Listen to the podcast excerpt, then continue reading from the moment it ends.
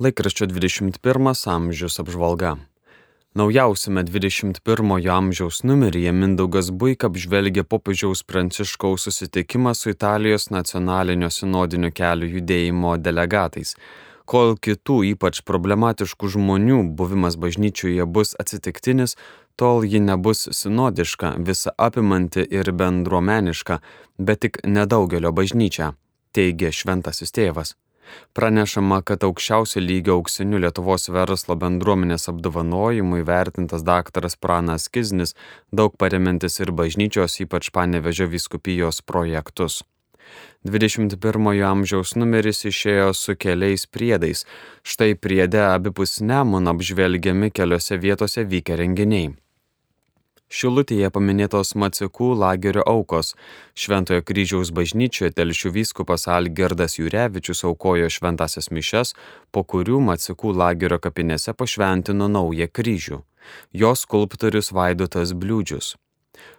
Panašiame renginyje telšiuose paminėtos Rainių tragedijos metinės. Rainių koplyčioje šventasias mišes už tragedijoje žuvusius aukojo prelatas Juozas Šiurys, vyskupo generalvikaras kanauninkas Vilius Viktoravičius ir viešvenų klebonas kunigas Romualdas Gečas. Dar yra žinia apie Budavonės miške nukankintų kunigų minėjimą ir paberžėje prasidėjusi dešimtai tarptautinį muzikos festivalį tėvui Stanislavui atminti.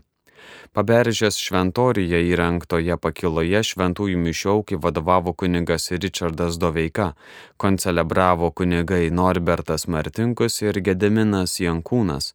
Abipus Nemuno rašo, kad Juknienuose Utenos rajone Antano ir Matėjaus miškinių literatūrinėje etnografinėje sodyboje buvo įteikta 21 Antano miškinio literatūrinė premija. Jis skirta poetui Tomui Višniauskui o Artojų asociacijos 25-mečio šventėje dalyvavęs Kedainių Šventojo Jurgio parapijos klebonas kuningas Artūras Stanevičius sakė, kad vieni žmonės gamina plūgus, kiti tais plūgais aria žemę ir užaugina duoną. Duoną mes padedame ant viešpaties altoriaus. Tai pati kilniausia misija o plokščiuose Šakių rajone vienintelėme Lietuvos miestelyje turinčiame upę gatvę ketvirtą kartą vyko Vaiguvos diena. Pirmą kartą organizuotą žygių pelio slėnių vedė tikybos mokytoja Nijolė Mikutskienė. Kitame priede pro Vita Mindaugas Buika apžvelgia popiežiaus Pranciškaus Italijos vyriausybės ir visuomenės surinktame trečiajame kasmetinėme forume apie gimstamumo padėtį sakytą kalbą.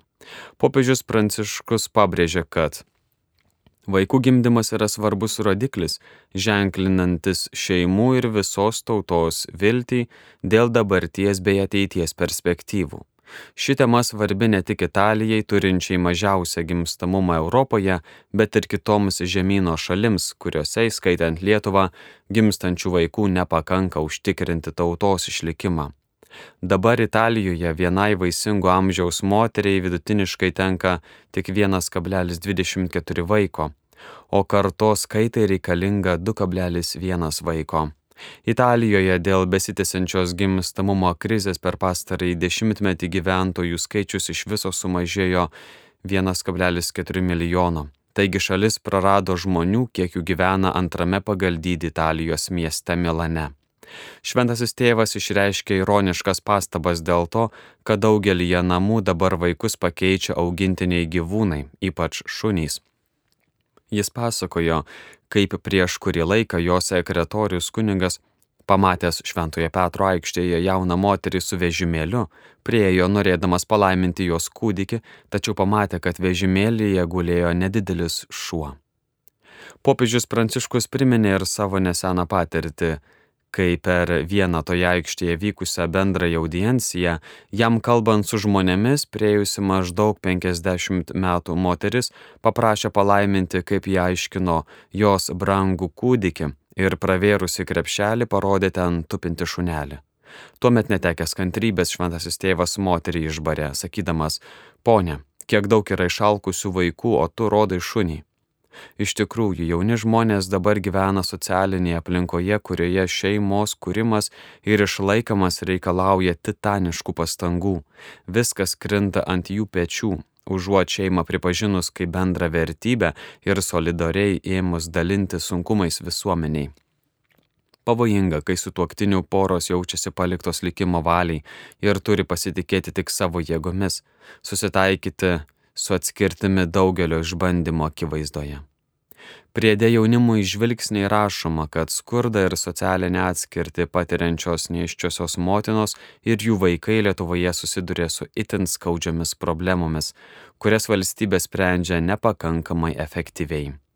Vytauto didžiojo universiteto profesorė Ilona Tamutienė ir doktorantė Vaida Auglytė atliko tyrimą, kokia parama ir paslaugos yra prieinamos neščiosioms ir vaikams iki dviejų metų amžiaus. Supažindinama su jo rezultatais. Laikraščio 21 amžius apžvalga parengė laikraščio redakcija.